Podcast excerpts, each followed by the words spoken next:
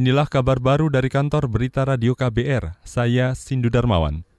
Saudara Menteri Keuangan Sri Mulyani bakal mengebut penyusunan rancangan Undang-Undang Omnibus Law tentang perpajakan. Rencananya RUU tersebut bakal memuat enam isu di antaranya pajak penghasilan, pajak pertambahan nilai, ketentuan umum dan tata cara pajak serta pajak dan retribusi daerah. Sri memastikan Omnibus Law akan mengatur tentang sejumlah insentif pajak untuk menarik investasi. Ia menargetkan RUU Omnibus Law pajak diserahkan ke DPR bulan depan sehingga bisa langsung dibahas pada awal 2020.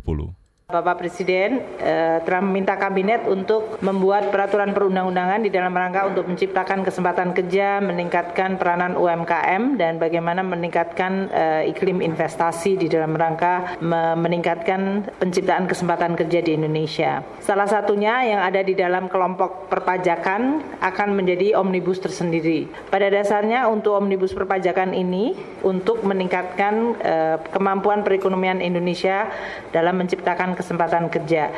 Menteri Keuangan Sri Mulyani mencontohkan insentif pajak berupa penurunan tarif pajak penghasilan menjadi 20 persen pada 2023. Tambahan diskon pajak juga bakal diberikan untuk perusahaan yang go public.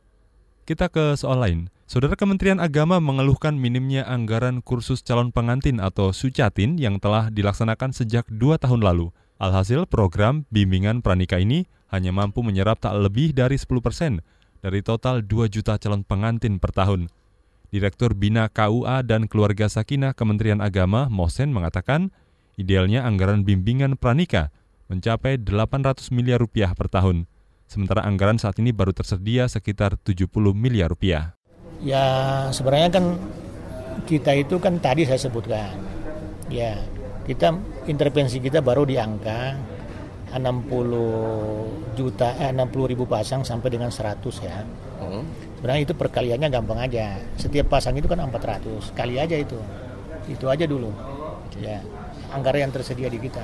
Pak tadi sebut untuk 2 juta pasang membutuhkan 800 miliar Pak. Gitu. Ya. Itu budget budget per Itu budget per tahun. Itu itu perhitungan kalau setiap pasang itu memerlukan biaya 400 ribu. Itu 2 juta pasang itu yang sudah 2017. Direktur Bina KUA dan Keluarga Sakinah Kementerian Agama, Mohsen, menyebut tengah melakukan kajian tentang efektivitas program bimbingan pranika. Kajian ini untuk mengukur seberapa efektif program itu untuk menekan angka perceraian. Ia berjanji bakal merilis hasil kajian tersebut paling cepat bulan depan. Mabes Polri siap menerjunkan personel tambahan di Papua menjelang peringatan Hari Ulang Tahun Organisasi Papua Merdeka OPM 1 Desember mendatang. Juru bicara Mabes Polri Argo Yuwono mengatakan, Penambahan pasukan akan dilakukan jika Polda Papua secara khusus mengajukan permohonan. NIL itu nanti mekanismenya kan dari Kapolda Papua, tentunya nanti akan mengirim surat ke Mabes Polri. Kalau memang dirasa nanti untuk pengamanannya kurang, nanti akan meminta bantuan Mabes Polri dan Mabes Polri akan memberikan bantuan. Tapi kalau misalnya nanti personelnya cukup dengan kegiatan preventif yang dilakukan itu. Juru bicara Mabes Polri Argo Yuwono menambahkan saat ini kepolisian tengah menganalisis daerah rawan di Papua Kata dia, jajaran intelijen masih mengidentifikasi situasi lapangan. Argo juga mengklaim kepolisian bersama TNI senantiasa melakukan pendekatan persuasif, persuasif dan preventif di tanah Papua. Hal itu untuk mencegah timbulnya gejolak menjelang peringatan HUT OPM. Komisi Pemberantasan Korupsi KPK melimpahkan perkara suap Bupati Kudus M. Tamzil dan dua perkara lain ke tahap penuntutan.